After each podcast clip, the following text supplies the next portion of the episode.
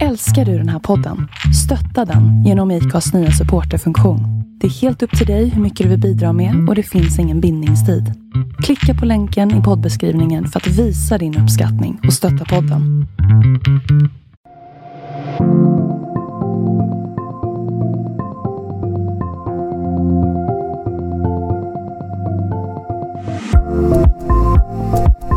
Hej och varmt välkomna! Förra avsnittet hörde ni ju Linda Holmström gästa podden. Vi pratade ju då mycket om träning och utmaningar och inte vilka utmaningar som helst utan till exempel gladiatorerna. Ni märkte ju att Linda är en bestämd person, så har hon sagt att hon ska göra något så ser hon till att få det gjort också. Men ett tv-program som hon har varit med i, som vi även nämnde då i avsnittet, är Gladiatorerna, Atleterna och Ninja Warriors. Men hon har ju även åkt Vasaloppet, hon har tränat friidrott och inte nog med det, hon kvalade i Oslo inför VM i OCR. Så hon och några andra åkte till Kanada för att tävla för Sverige. Där hon vann första OCR-VM i sin ålderskategori som var 35 till 40 år. Linda har ju inte bara hållit på med sport, utan hon och sin man har ju varit ICA-handlare i 20 år. Och driva en ICA-butik krävs ju mycket, mycket jobb och engagemang. Hon berättade att under de två första åren så var de bara lediga i några fåtal dagar. Hon nämnde ju även att man verkligen måste tycka om det man gör för att kunna nå dit man vill. För om man inte gillar det man gör så är det väldigt svårt att se det positivt utan bara kommer se det jobbigt och negativt. Så jag tycker vi tar med oss detta och ställer oss frågan vad vill vi göra i livet? Vad vill man jobba med? Om man verkligen tycker om något så kommer man säkerligen att lyckas kanske inte lyckas med att tjäna massa pengar och bli rik, men man kanske lyckas med att vara nöjd med det man har och slipper tänka vad ska jag bli när jag blir stor, som ni säkert alla har hört. Som detta sagt så leder oss rakt in på detta avsnittsämne som är less is more. Ja, ni har säkert hört uttrycket less is more eller minimalist och även jag ska ta upp detta med er. Ja, vad är då innebörden med det kända uttrycket less is more som blivit väldigt populärt på sista tiden?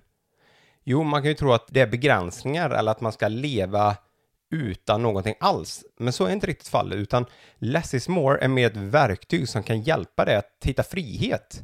Eh, frihet från rädsla, oro, skuld eller depression. Eller frihet från den här konsumtionskulturen vi har byggt upp våra liv kring. Det betyder ju inte i sig att det är något fel liksom, att äga saker, men man ska nog tänka på att äga rätt saker.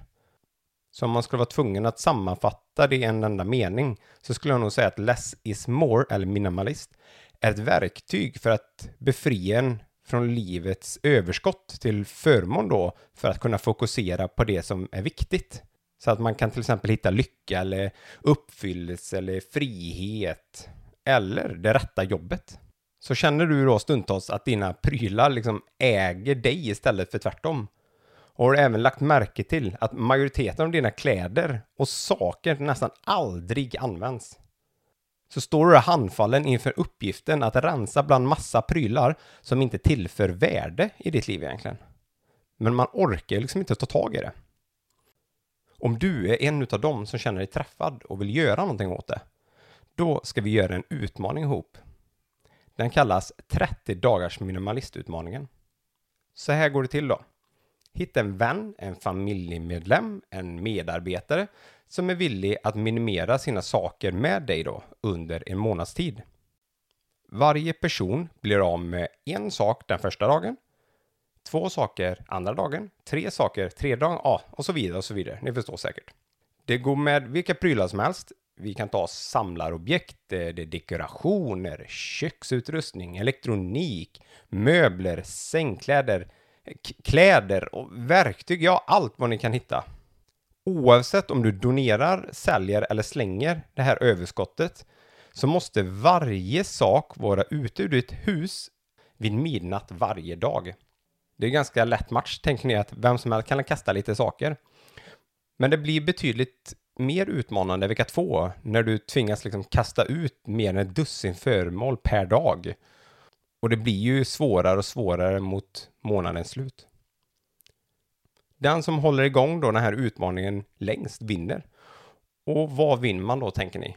Jo, ni vinner ju friheten att fokusera på de saker som verkligen är värda något och gör nytta för dig.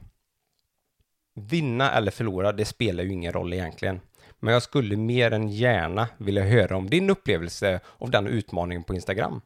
Du får gärna skicka ett DM eller tagga Inspirationskällans podcast i eran story.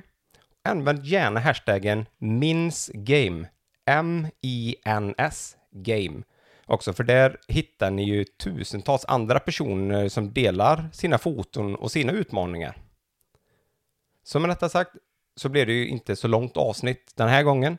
Men jag vill gärna dela med mig av den här utmaningen och självklart kommer även jag försöka mig på detta. Jag kommer även lägga upp på story varje dag så ni kan följa med där om ni vill. Vill ni inte göra den här själva utmaningen i sig så kan ni ju ändå försöka tänka på dessa saker. Behöver jag verkligen denna? Ger den mig glädje och nytta i livet? Eller kommer det bli en belastning? Ja, jag tackar så hemskt mycket för mig så hörs vi i nästa avsnitt. Ha det så bra, hej!